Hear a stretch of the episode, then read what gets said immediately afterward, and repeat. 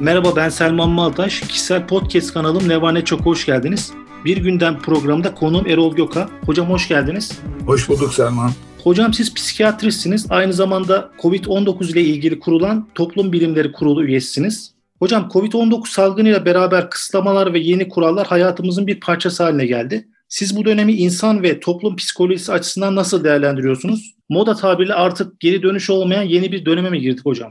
Son cümlenden başlayayım izin verirsen. Bazı insanların kafasında bu e, küresel salgının başlangıç tarihi olarak Ocak 2020'yi alırsak eğer e, günün e, bir gün tamamen Ocak 20 öncesine döneceğimize ilişkin bir fikir varsa yani bıçakla kesilir gibi her şey bir gün bitecek ve 2019'daki mutlu neyse o günlerimize döneceğiz gibi bir hayal varsa buna ben biraz e, sıcak bakmıyorum sevgili Selman.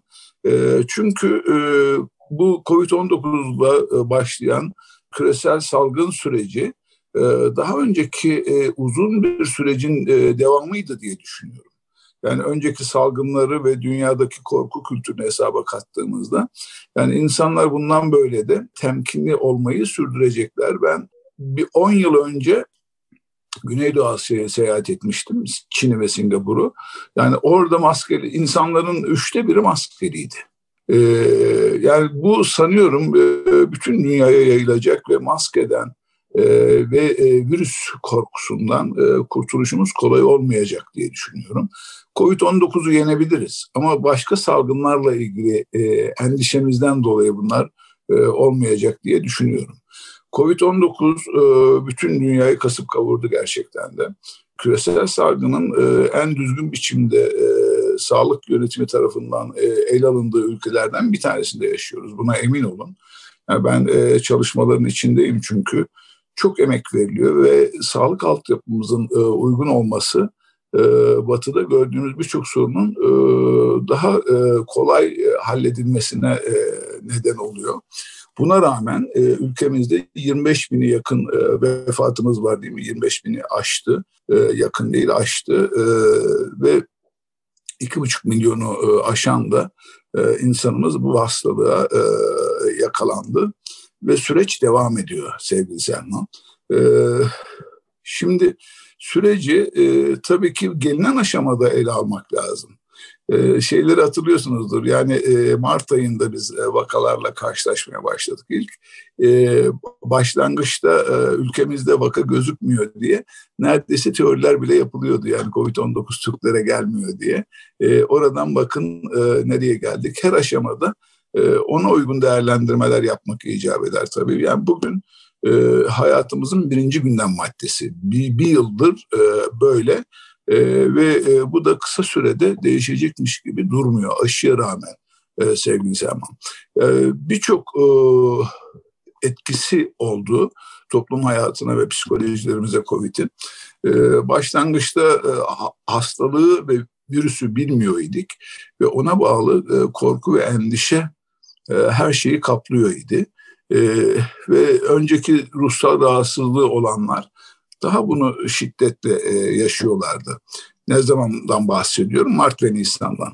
Hastalığı e, tanımaya başladıkça ve toplumsal etkileri gözükmeye başladıkça, izolasyon ve karantina tedbirleri e, ortaya çıktıkça bu sefer hayatımızın başka alanlarında da e, COVID-19 e, kendisini e, göstermeye başladı. E, aynı ev içinde e, uzun süreli yaşamak e, hepimizin hayaliydi belki ama mümkün olmuyordu ve birlikte yaşamaya başladığımızda ilk başta her şey yolunda gidiyormuş gibi olmasına rağmen bütün dünyada daha sonra aile içi sorunlar, aile içi şiddet, boşanmalar artmaya başladı.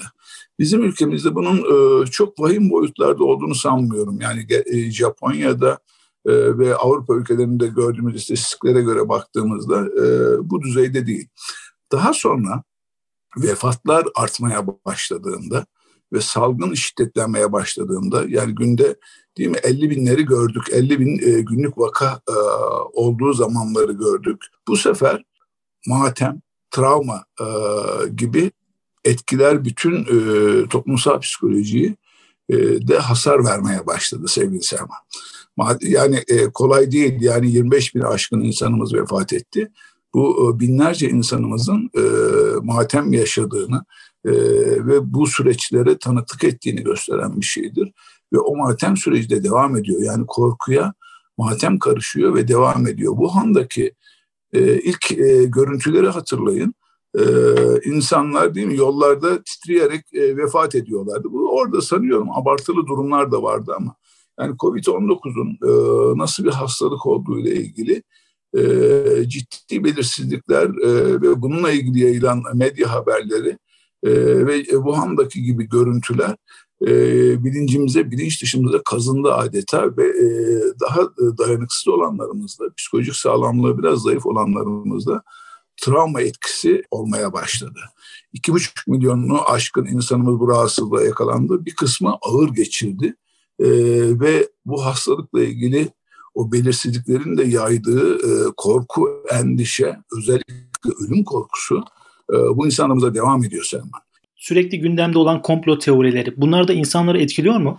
Elbette yani biz e, işin o boyutuyla bu komplo teorilerini nasıl ortadan kaldırabiliriz? E, nasıl komplo teorileri e, Covid-19'da mücadelemize engel olmaktan çıkartabiliriz bağlamında ilgiliyiz.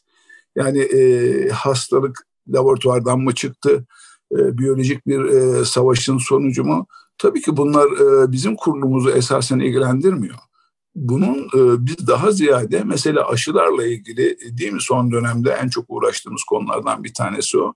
Evet. Yani aşıların da e, insanlara zarar vereceği aşı yaptırmamak gerektiğiyle ilgili komplo teorileri yayılmaya başlıyor. Bunu, tabi bunlar çok tehlikeli. Yani hastalıkla mücadele açısından çok tehlikeli. Yani e, bizim kurulumuz ve bakanlığımız yani bu hastalığı e, yenme konusunda bütün güçleri seferber etmek, e, ve bütün e, insanımızı e, tek bir mücadelenin etrafında kenetlendirmekle yükümlüyüz biz. Ve o anlamda da dünyadaki diğer ülkelere baktığımızda iyi gidiyoruz çok şükür ama komple teorileri tabii ki çok başka bir bahis. Yani hangi insanlar çıkarıyor, niye çıkıyor, ya bunları nasıl el, ele almalıyız onu başka programlarda konuşuruz. Hocam bir de kişisel bir soru sormak istiyorum. Siz Ankara'da yaşıyorsunuz. Sizce Ankara'nın en güzel yanı nedir hocam? Şimdi e, cevabım sana oldukça değişik gelebilir. Ben Ankara sevenlerdenim. Yani Ankara'ya e, karşı yapılan birçok e, hücumu, entelektüel hücumu göğüslemeye çalışanlardanım. Bununla ilgili de yazıp çiziyorum. Erol sitesinde e, bir Ankara savunusu metnim var. E, Ankara güzel bir şehirdir. Bana sorarsan e, dünyanın nüfusuna göre en değerli toplu e, ve en kolay yaşanılabilir şehirlerinden bir tanesidir. Birçok istatistik de bunu gösteriyor zaten. Yani Ankara istatistiklerde hak ettiği yeri almıyor bence. Söylemedim Ankara'nın en çok nesini sevdiğimi. Ankara'nın en çok e, gençlik şehri olmasını seviyorum. E, Ankara bir üniversite şehridir. Ve Eskişehir yolundan Ulus'a bir hat çizdiğimizde e, gene Ulus'tan e, Çankaya'ya ve hatta Oran'a bir hat çizdiğimizde iddia ediyorum dünyanın en çok e, okur yazar gencinin olduğu bölgedir burası. E, ben dünyanın birçok yerini gördüm ve Ankara'nın e, bu özelliği çok dikkat çekici gerçekten. Yani e, kitapların, e, sinemaların, e, tabi bunların sayısı azalıyor maalesef ve yerini AVM'lere bırakıyorlar. Bu hoş bir görüntü değil. Ama bu dediğim hat içinde neredeyse 2 milyonu aşkın gencin bir arada yaşadığı bir e, şehir olması e, ve şehirdeki bu genç havanın e, yani sanılanın aksine e, püfür püfür esmesi e, benim en sevdiğim yanıdır Ankara. Çok teşekkür ederim hocam. Bir günden programında konuğum Erol Gökay'dı. Sağlıcakla kalın.